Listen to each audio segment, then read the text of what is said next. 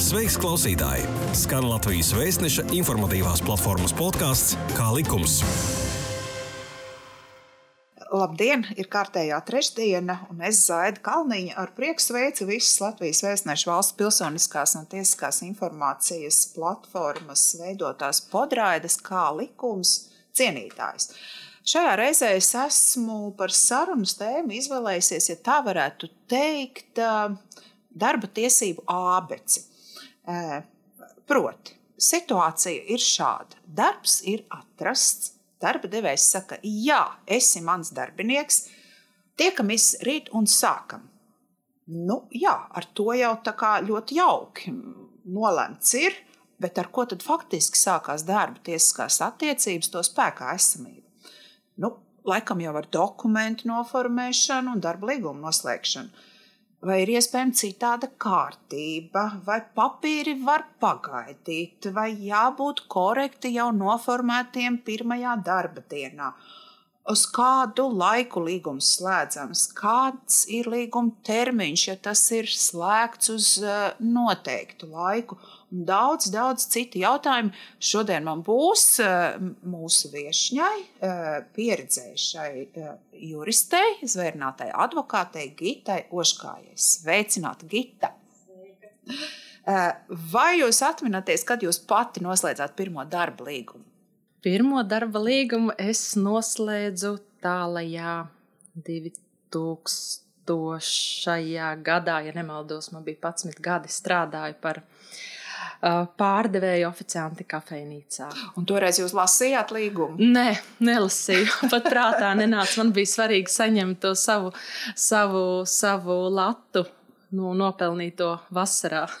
Vai ne? Un tagad jūs ko par to domājat? Tagad es noteikti pārlasītu ļoti uzmanīgu, uzmanīgi savu darba līgumu, savu bērnu darba līgumu un ieteiktu to darīt ikvienam, ikvienam uh, pilsonim un pievērst ļoti rūpīgu uzmanību arī darba devējiem, slēdzot darba līgumus, un pārliecināties, ka tas tomēr ne tikai tiek noslēgts, bet tiek noslēgts atbilstoši darba likuma prasībām, lai nerodas kaut kāda pārpratuma strīdu situācijas, jo tomēr jāņem vērā, ka ir kaut kādas normas, panti, ko, kas ir spēkā neesoši neatkarīgi no darba devēja vēlmēm.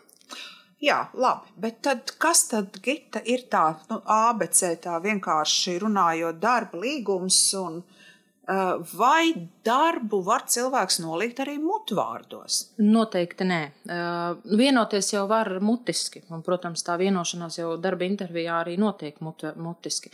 Taču tā ir darba devēja atbildība, tas ir darba devēja pienākums darba līgumu sastādīt, noformēt rakstveidā un uzskaitīt darba līgumus. Kas ir darba līgums? Eh, darba līgums tas ir līgums, ar kuru nodabi, nodibina tiesiskas saistības un rada tiesiskas sekas. Proti, ar darba līgumu tā vienkāršos vārdos saka, sakot, darba devējs pasaka darbiniekam, es tevi nodarbināšu, maksāšu darba samaksu un nodrošināšu tevi ar taisnīgiem, vienlīdzīgiem, drošiem darba apstākļiem. Savukārt darbinieks pasaka darba devējam, ka viņš veiks šo darbu un pakļausies darba devēja noteiktai kārtībai un rīkojumiem. Tātad ar darba līguma noslēgšanu abām pusēm rodas prasījuma tiesības vienai pret otru. Kad darba līgumu noslēdz? Pirms pirmajā dienā, vai var arī, kā es teicu, pagaidīt? Varbūt? Nu, darba līgums ir jānoslēdz pirms darba uzsākšanas. Da, darba devējiem ir arī šis darba līgums jāpiereģistrē valsts ieņēmuma dienestā. Pretējā gadījumā tā būs jau darba devējiem var rasties risks par to, ka būs nelegālā nodarbinātība ar sodiem un citām tālajošām sekām. Bet darba līgumu var noslēgt uh, gan nedēļu, gan mēnesi, gan divus mēnešus iepriekš.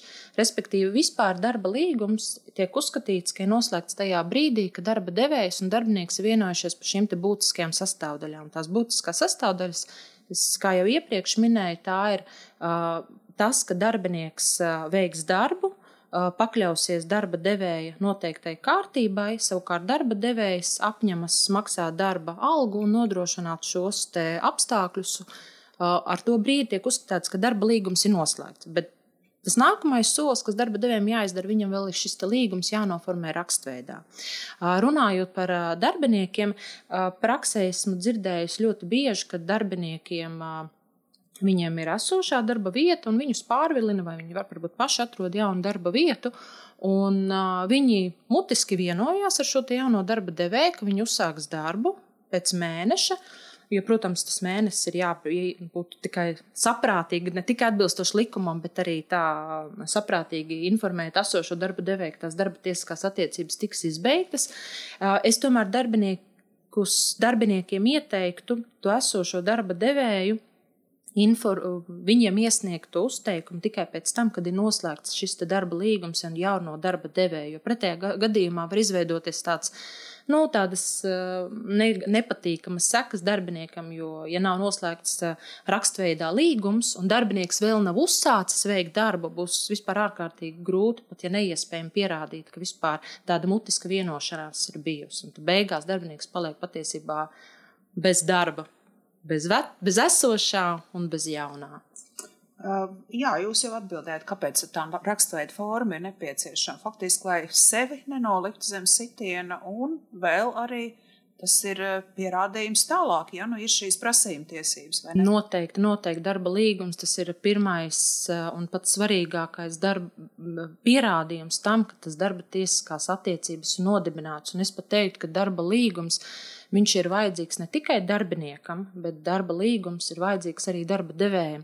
Protams, ka darba likums pasaka tās minimālās prasības 40. pantā, kam ir jābūt darba līgumā norādītam, bet tajā darba līgumā nu, parasti jau praksē viņi ir tādi plašāki, kur ļoti detalizēti pienākumi tiek atrunāti. Un, attiecīgi, tajā brīdī darba devējs var prasīt darbiniekam, lai darbinieks veic to savu darbu, lai viņš veic to rūpīgi. Savukārt darbiniekam nu, visdrīzāk pats svarīgākais saņem darba samaksu par to padarīto darbu.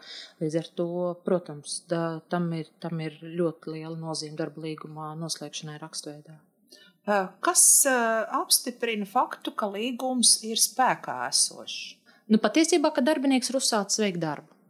Ar to brīdi tiek apstiprināta panāktā vienošanās starp darbinieku un darba devēju. Tieši tas fakts, ka darbinieks ir uzsācis veikt darbu. Protams, ja darba līgums nav noslēgts, noformēts rakstveidā, protams, ka ir risks tādēļ, ka uh, darbiniekam uh, var rasties grūtības pierādīt, ka viņš ir strādājis. Protams, darba likums pasaka, ka šajā te, ka darbiniekam ir, ties, ir tiesība pieprasīt darba devējiem noformēt to darba līgumu rakstveidā, bet nu, praksē tā nevienmēr notiek. Un tad darba likums pasaka, ka darbinieks var izmantot visus iespējamos pierādīšanas līdzekļus, lai pierādītu, ka tas darba līgums patiešām ir ticis noslēgts. Bet, nu, praksē jau mēdz būt tā, ka darbiniekam var vienkārši nebūt tie pierādīšanas līdzekļi. Jā, varbūt tā ir darba vieta, atrodas kaut kādos angāros, kur nemaz, pat ja viņš pasūdzās valsts darba inspekcijai, tā darba inspekcija pat netiek klāta. Varbūt tur nemaz nav tie liecinieki, vai tie liecinieki paši baidīsies liecināt. Līdz ar to man tomēr gribas ļoti, ļoti aicināt cilvēkus pašiem būt aktīviem un sekot līdz tām savām tiesībām, tiesībām uz uh, darba līguma noformēšanu rakstveidā, jo tās uh, dod darb, darbiniekam tomēr kaut kādas tiesības, un tiesības ne tikai prasīt nolīgt to darba samaksu, bet arī tiesības uz atvaļinājumiem, uz atlaišanas pabalstiem, uz pārtraukumiem, uz slimības lapas apmaksāšanu. Tā kā tam uz stāžu, kam ir noteikta pie sociālās apdrošināšanas, jau kaut kādiem sociāliem pakalpojumiem, ko sniedz valsts. Līdz ar to darbiniekiem pašiem, protams, ir jābūt pietiekami aktīviem darīt visu iespējamo, lai panāktu to, ka šis darba līgums tiek noslēgts un noformēts rakstveidā. Nu, Protams, jūs, jūs mēģinātu pateikt, ka pat ja tādā situācijā, ja darba devējs saka, zini, man tagad pavisam nav laika, Eh, rīt vai parīt mēs noteikti tos papīrus sakārtosim, tad darbiniekam, kas būtu jāsaka, piedodiet, es nesākšu darīt Jā. neko. Nu, pareizi būtu, protams, ka tā būtu. Es jau neesmu no mēneša nokritis. Es jau saprotu, ka dzīvē tas viss ir savādāk. Tas cilvēks grib strādāt, viņš to naudu, naudu grib samaksāt, viņam tie rēķini jāsamaksā un bērns jāpēdina.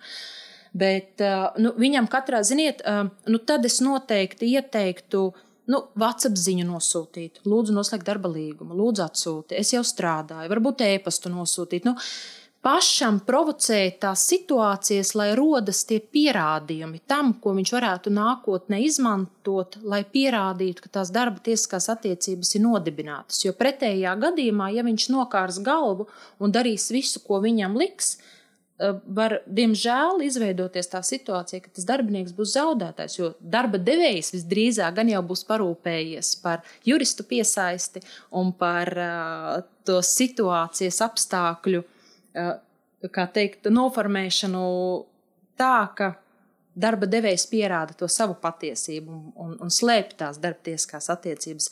Darba, protams, ja darba devējs visu laiku tikai rod jaunus iegānstus, lai to darba līgumu nenoslēgtu, darbiniekam vienkārši ir nepārtraukti par to jāatgādina. Un vēlams rakstveidā, lai to visu var pēc tam salikt kopā kā pierādījums. Vēl turklāt ir tāda nianse, ka Ja gadījumā rodas starp darba devēju un darbinieku strīds par to, vai tās darbtieskās attiecības ir nodibinātas vai nav, uh, un puses nespēja pierādīt pretējo, tad tiek uh, uzskatīts, ka darba tieskās attiecības jau ir nodibinātas trīs mēnešus, darbiniekam ir nolīgts normālais darba laiks un minimālā darba alga.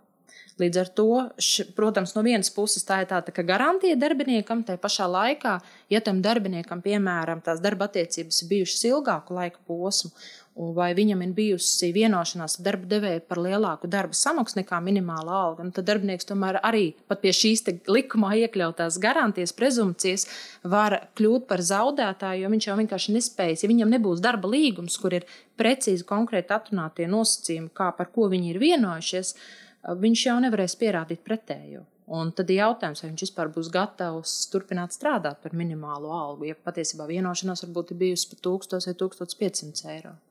Par pierādījumiem, ko uzskata par pierādījumiem? Jūs minējāt, ka WhatsApp ziņas, e-pasta. Jebkādi, jebkādi. Patiesībā pat šogad aprīlī bija brīnišķīga ties, augstākās tiesas tiesu prakses spriedums kur, protams, bija strīds par mobbingu un psiholoģisko, psiholoģisko teroru, emocionālo vardarbību, bet tajā lietā augstākā tiesa noteica, ka tomēr darbinieks ir kā tāda vājākā, neaizsargātākā persona un var tikt pieļauta audio sarunas ierakstīšana darba devēja nebrīdinot.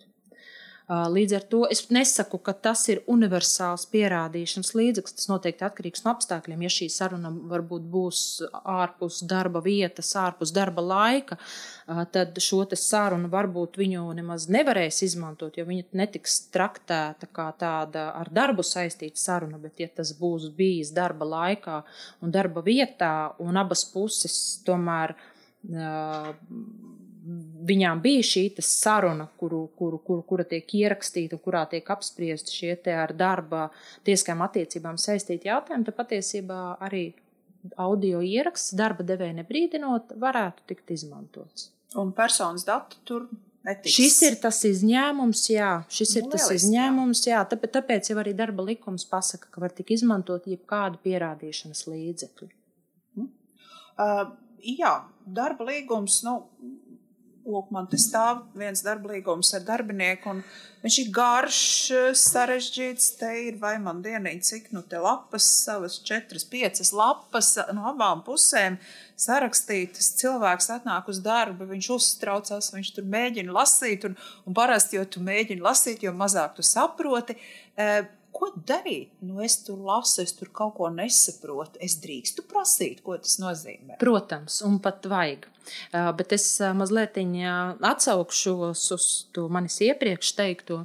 Kad, uh, tad, kad tiek slēgts jauns darba līgums, es iepriekš minēju, ka to ir vēlams darīt pirms tu brīdini esošo darba devēju.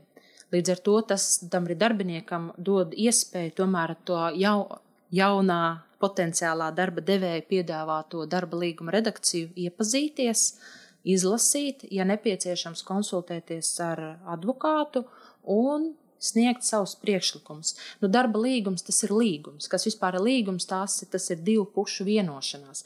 Protams, ka darba devējs, un tas ir normāli, ka darba devējs būs izstrādājis kaut kādu savu paraugu pēc kura viņš slēdz darba līgums visiem darbiniekiem. Mainīsies, protams, amata nosaukums, pienākumi mainīsies, darba laika. Organizācijas noteikumi mainīsies, ja varbūt kādam būs konkurences ierobežojuma noteikumi, ja, uh, bet kaut kāds pamats skeletiņš viņam jau būs izveidojies. Darbiniekam noteikti vajag uh, izlasīt, saprast, pats svarīgākais ir saprast, jo darbinieks uzliek to savu parakstu šī darba līguma. Un uh, darbiniekam noteikti, ja viņam rodas jautājumi, viņam ir jājautā, ja viņam rodas kaut, kādi, kaut kādas, nu, es negribētu teikt pretenzijas, jā, bet tomēr arī. Uh, nu, jāskatās, protams, ir pēc situācijas, jā, jo es jau saprotu tajā brīdī, ka darba devējs iespējams sajūtīs, ka darbinieks ir šausmīgi gudrs, ja, un, un viszinošs, tas var tomēr beigties, kad tas darba līgums netiek noslēgts. Un jau tajā sākumā rodas. Nu, tā tas dzīvē, diemžēl, ir. Uh, nu, praksē, ar ko esmu ļoti bieži saskārusies, ir tas, ka, piemēram, darba līgumos tiek iekļauta norma, ka darbinieks nedrīkst stāties arotbiedrībā vai ka darbiniekam ir jābrīdina darba devējs, ka viņš iestājās arotbiedrībā. Nu, šis punkts ir jau spēkā nēsošs jau no tā brīža, kad viņš vispār ir iekļauts darba līgumā. Tāds nedrīkst būt, jo darba likums pasaka, ka darba devējs ir tiesīgs pieprasīt ziņas par darbinieku dalību arotbiedrībā tikai tad, tikai tad, ja darba devējs ir nodomājis šo darbinieku atlaist. Visos citos gadījumos darba devējiem nu, nav tiesība pat prasīt šo informāciju. Informācija par darbinieku dalību arotbiedrībā tā ir uzskatām par īpašās kategorijas informāciju no vispārīgās datu aizsardzības regulas. Un viņa nav izpaužama darba devējiem vienkārši tāpēc, ka darba devējs gribētu to zināt. Nu, lūk, un tad ir šī situācija, ko darbiniekam darīt. Vai viņam iet pie darba devēja teikt, zini, šis te punkts nav spēkā, vai tomēr parakstīt, bet viņš ir nokonsultējies ar juristu un zina, ka šis punkts vienkārši nav spēkā. Un pat ja viņš iestāsies arotbiedrībā, tad darba devējs viņš tiesiski neko nevarēs izdarīt. Viņš nevarēs sodīt par to, ka darbinieks nav informējis, ka viņš ir arotbiedrības biedrs, un darba devējs nevarēs darbinieku atlaist par to, ka darbinieks nav informējis, ka viņš ir arotbiedrības biedrs. Jo kā, nav spēkā. Jā, jo tas punkts vienkārši nav spēkā. Līdz ar to darba līgums ir noteikti jāizlasa, viņš ir jāsaprot. Jo kaut vai tie darba līgumā, kā jau iepriekš minēju, var būt arī tādi punkti par konkurences ierobežojumu. Ja, tad darbiniekam arī ir jāsaprot, kādas ir tās sekas, ko viņš paraksta un ar ko rēķināties. Kā likums? Kā likums? Jā, tu klausies Latvijas Vēstneša informatīvās platformas podkāstu Kā likums? Tad eh, šo līgumu projektu var prasīt. Protams, protams. Jā, es jā. paņemšu uz mājām, tieši tā. Nesaprotu, tieši tā. tā. Darba devējs nevar aizliegt. Jā. Pēc būtības nē. Uh, nu, viņš, protams, var pateikt, nē, nu es tev nesūtīšu neko nāc, te man draudzīgi sēdi blakus un es tev iedošu izprintēšu lasi. Ja? Bet, uh, nu, Cik esmu saskārusies, eh, tomēr eh, darba devēji šos darba līgumus atsūta elektroniski, lai darbinieks var mierīgi izlasīt. Jo skaidrs, ka jauna darba līguma parakstīšana nu, tas ir satraucošs notikums darbiniekam. Tā kā parasti tomēr darba devēji pretim nākoši un dod iespēju iepazīties ar darba līguma projektu. Un priekšlikumu izteikšana arī ir darbinieka iespēja. Uh, jā, jā, jā, jā, noteikti.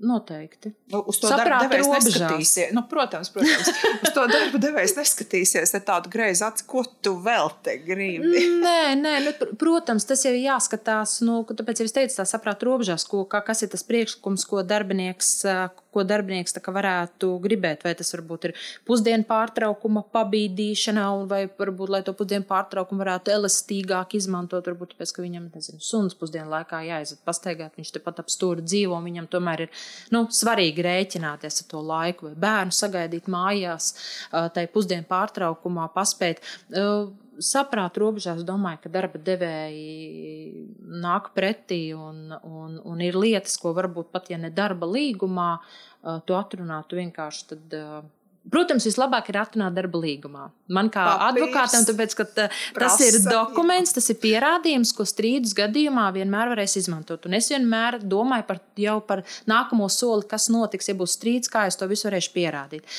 Bet uh, praksē, protams, ir kaut kāda tās situācijas, ka darbinieks ar darba devēju novienojas mutiski, ja tur ātrāk darbu beigt vai tur kaut ko term, darba izpildes termiņus, varbūt garākus uh, uh, nolikt noteikti.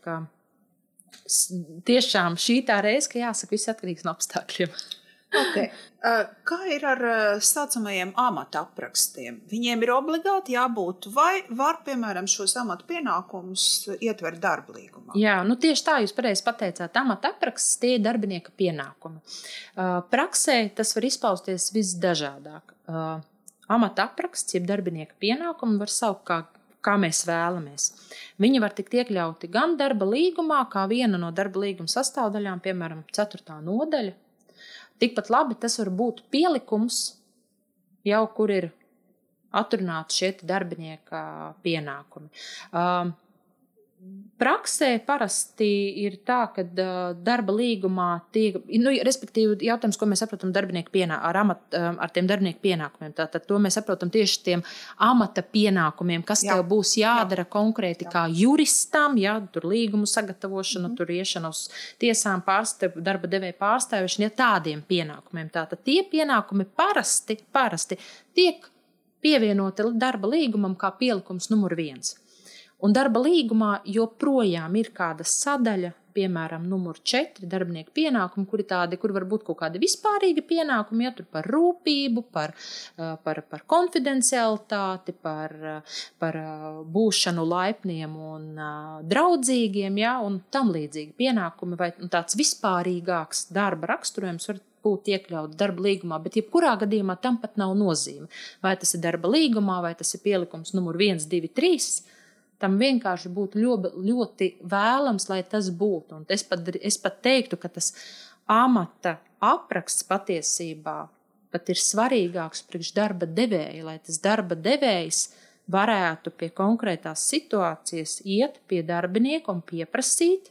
Un prasīt, lai tie pienākumi ir izpildīti. Jo darbiniekam, ja viņam tas nebūs uzrakstīts, viņš jau kurā brīdī var pateikt, jā, bet tas jau nav mans pienākums, to nedarīšu. Un tad rodas kārtējais strīds.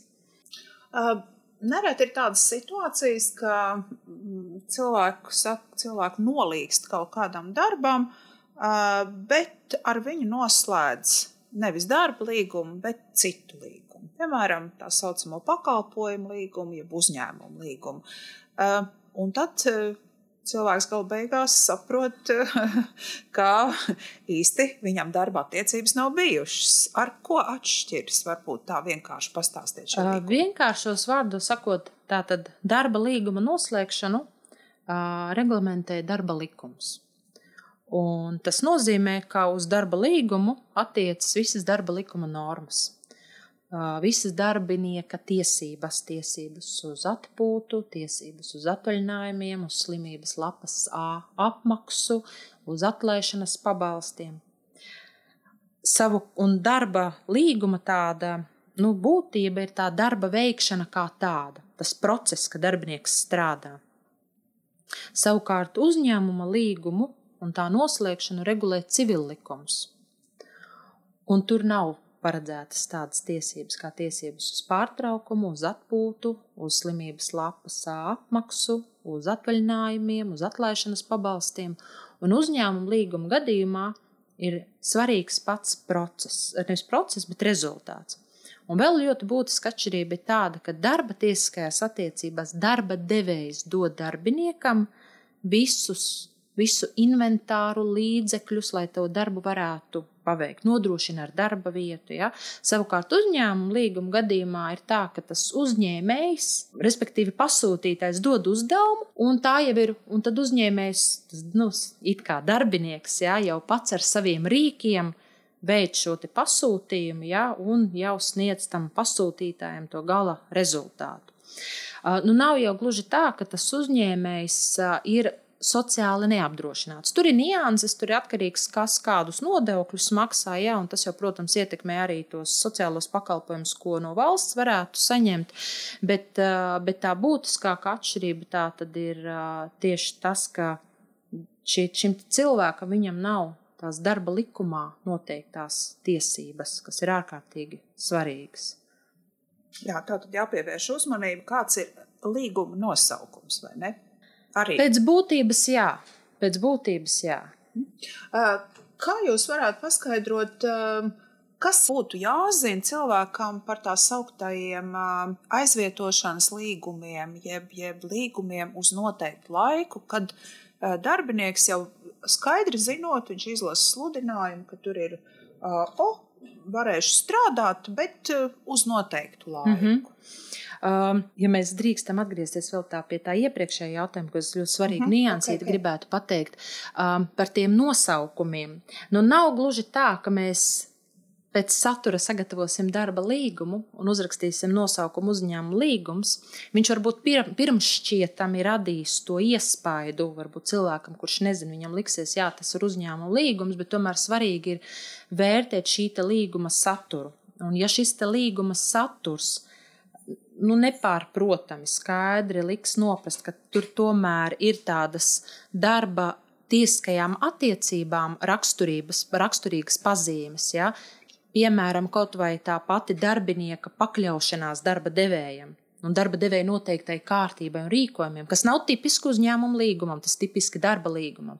Tad es tomēr teiktu, ka strīdus gadījumā par to līgumu, kas pēc satura ir darba līgums, bet viņš ir nosaukums uzņēmuma līgums, viņi tomēr strīdus gadījumā varētu tiesā lūgt atzīt par darba līgumu. Atgriežoties par darba līgumiem par noteiktu laiku. Jā. Nu, lūk, ar tiem darba līgumiem uz noteiktu laiku ir, sva, ir svarīgi saprast to, ka darba līgums uz noteiktu laiku tas vispār ir izņēmums. Tas, ko darba likums pasaka, tas ir, ka vispārīgi ir jāslēdz darba līguma uz nenoteiktu laiku. Darba līgumu uz noteiktu laiku var noslēgt tikai, tikai darba likuma 44. pantā noteiktajos gadījumos. Un, ja darba devējs ir pārkāpis šo 44. pāntu un pie apstākļiem, ka darba līgums nevarētu tikt noslēgts uz noteiktu laiku, bet to izdara, nu, pēc būtības tur nu, visdrīzāk strīdus gadījumā atkal varētu prasīt atzīt, ka tas ir darba līgums uz nenoteiktu laiku. Uh, bet uh, ārpus tā es teiktu, ka uh, dara principā neatkarīgi no tā, kāds darba līgums ir noslēgts, vai tas ir darba līgums uz nenoteiktu laiku, vai tas ir darba līgums uz noteiktu laiku, principā darbiniekam ir tieši tās pašas tiesības. Turklāt, ja ir noslēgts darba līgums uz noteiktu laiku, tad darba devējam ir jābrīdina darbinieks par iespēju strādāt, veikt darbu un pārslēgt darba līgumu uz nenoteiktu, nenoteiktu laiku. Bet pēc būtības darbiniekam ir ties tās, tieši tās pašas tiesības. Vienīgi tā nianses, protams, jārēķinās, ka darba līgums noteiktu laiku, principā jau pats nosaukums pasaka priekšā, ja, ka mēs paredzam, ka pienāks kaut kāds brīdis, kad izbeigsies šis darba līgums, kas ir noslēgts uz noteiktu laiku. Jo tas, ko darba līgums pasaka, tā ir jānoteic vai nu konkrēts termiņš, vai jānorāda apstākļi, kuriem iestājoties darba līgums tiks izbeigts. Ja noteikts konkrēts termiņš, tad neatkarīgi no apstākļiem tajā konkrētajā termiņā darba līgums tiks izbeigts. Ja vien, protams, puses faktiski ar savu rīcību neturpina šīs te faktiski tās darbtieskās attiecības, tad, protams, kad atkal darba likumā ir prezumcija, kad darba līgums ir tiek kā, kā pārslēgts uz nenoteiktu laiku. Savukārt, ja darba līgumā uz noteiktu laiku norādīti apstākļi, kuriem iestājoties darba līgums tiek izbeigts, tad darba devējiem ir pienākums divas nedēļas iepriekš brīdināt darbinieku par tiem apstākļiem, brīdināt, ka pēc tam divām nedēļām darba līgums tiks izbeigts. Vēl svarīga nianses ir runājot par darba līgumu uz noteiktu laiku. Šis te termiņš nevar pārsniegt piecus gadus. Tātad ar visiem pagarinājumiem, to tā ir skaitā. Tātad nevarēs slēgt darba līgumu uz noteiktu laiku uz pieciem gadiem, atkal uz pieciem gadiem. Lai, ja, tātad, ja mēs slēdzam, maksimums ar visiem pagarinājumiem ir pieci gadi. Un, ja tās attiecības turpinās, tad patiesībā tiek uzskatīts, ka viņš ir automātiski pārslēdzies uz nenoteiktu laiku. Es tikko izdomāju vienu kāzus. Jūs minējāt, jā, par darba līgumā uz noteiktu laiku norāda vai nu termiņu, vai nu apstākļus. Un tad ir tāda situācija. Darbiniecei, piemēram, viņa aizvieto citu darbinieci, kas ir bērnu kopšanas atvaļinājumā. Viņa ir paņemta uz termiņu. Norādīts darba līgumā datums. Jā, termiņš. Taču tā sieviete, kas ir bērnu kopšanas atvaļinājumā, atgriežas divas nedēļas ātrāk, ir iestājušies apstākļi. Atnāk atpakaļ tā darbiniece.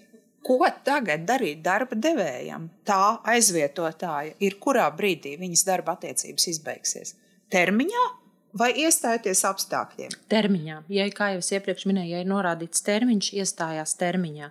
Bet šeit ir svarīgi, ka tomēr ir darba devēja uzmanība jāpievērš tam, ka darbiniece, kur atrodas bērnu kopšanas atvaļinājumā, viņa nevar tāpat vienkārši kā saka, uz dullo iznākt darbā ātrāk. Jo viņai aiziet uz bērnu kopšanas atvaļinājumu, viņa arī norādījusi termiņu, uz cik ilgs būs šis bērnu kopšanas atvaļinājums.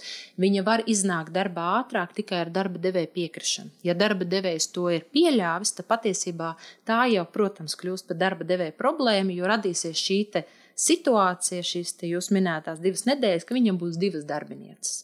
Nu, viņam būs jāvienojas. Skaidrs.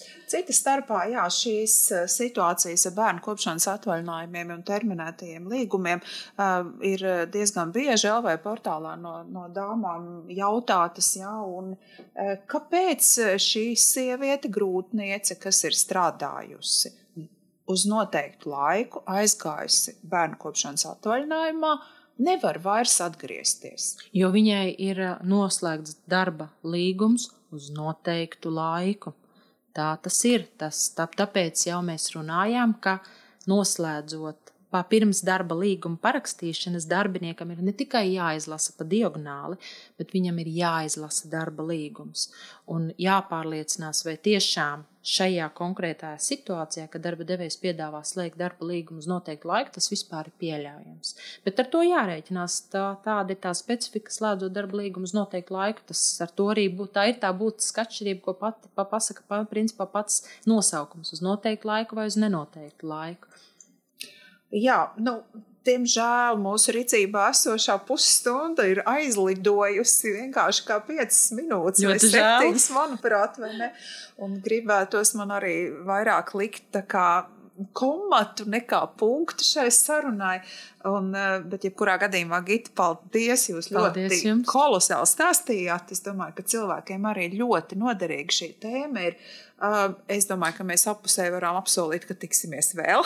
paldies! paldies. Jā, un paldies tev, klausītāji, ka klausījies. Un, uh, mums kopā vienmēr ir prieks, ka tev šis dzirdētais vai kādam no tavējiem noder un turpmāk noderēs. Ja tā, tad neturi šo noslēpumu, bet pastāsti citiem. Uz tikšanos citreiz es biju Zaida Kalniņa un paldies Gitai Oškājai. Šī bija iknedēļas pusstunda kopā ar oficiālā izdevēja Latvijas vēstneses informatīvās platformas podkāstu Kā likums. Pastāsti citiem, ja bija noderīgi un interesanti. Kā likums, tiekamies ik trešdienu!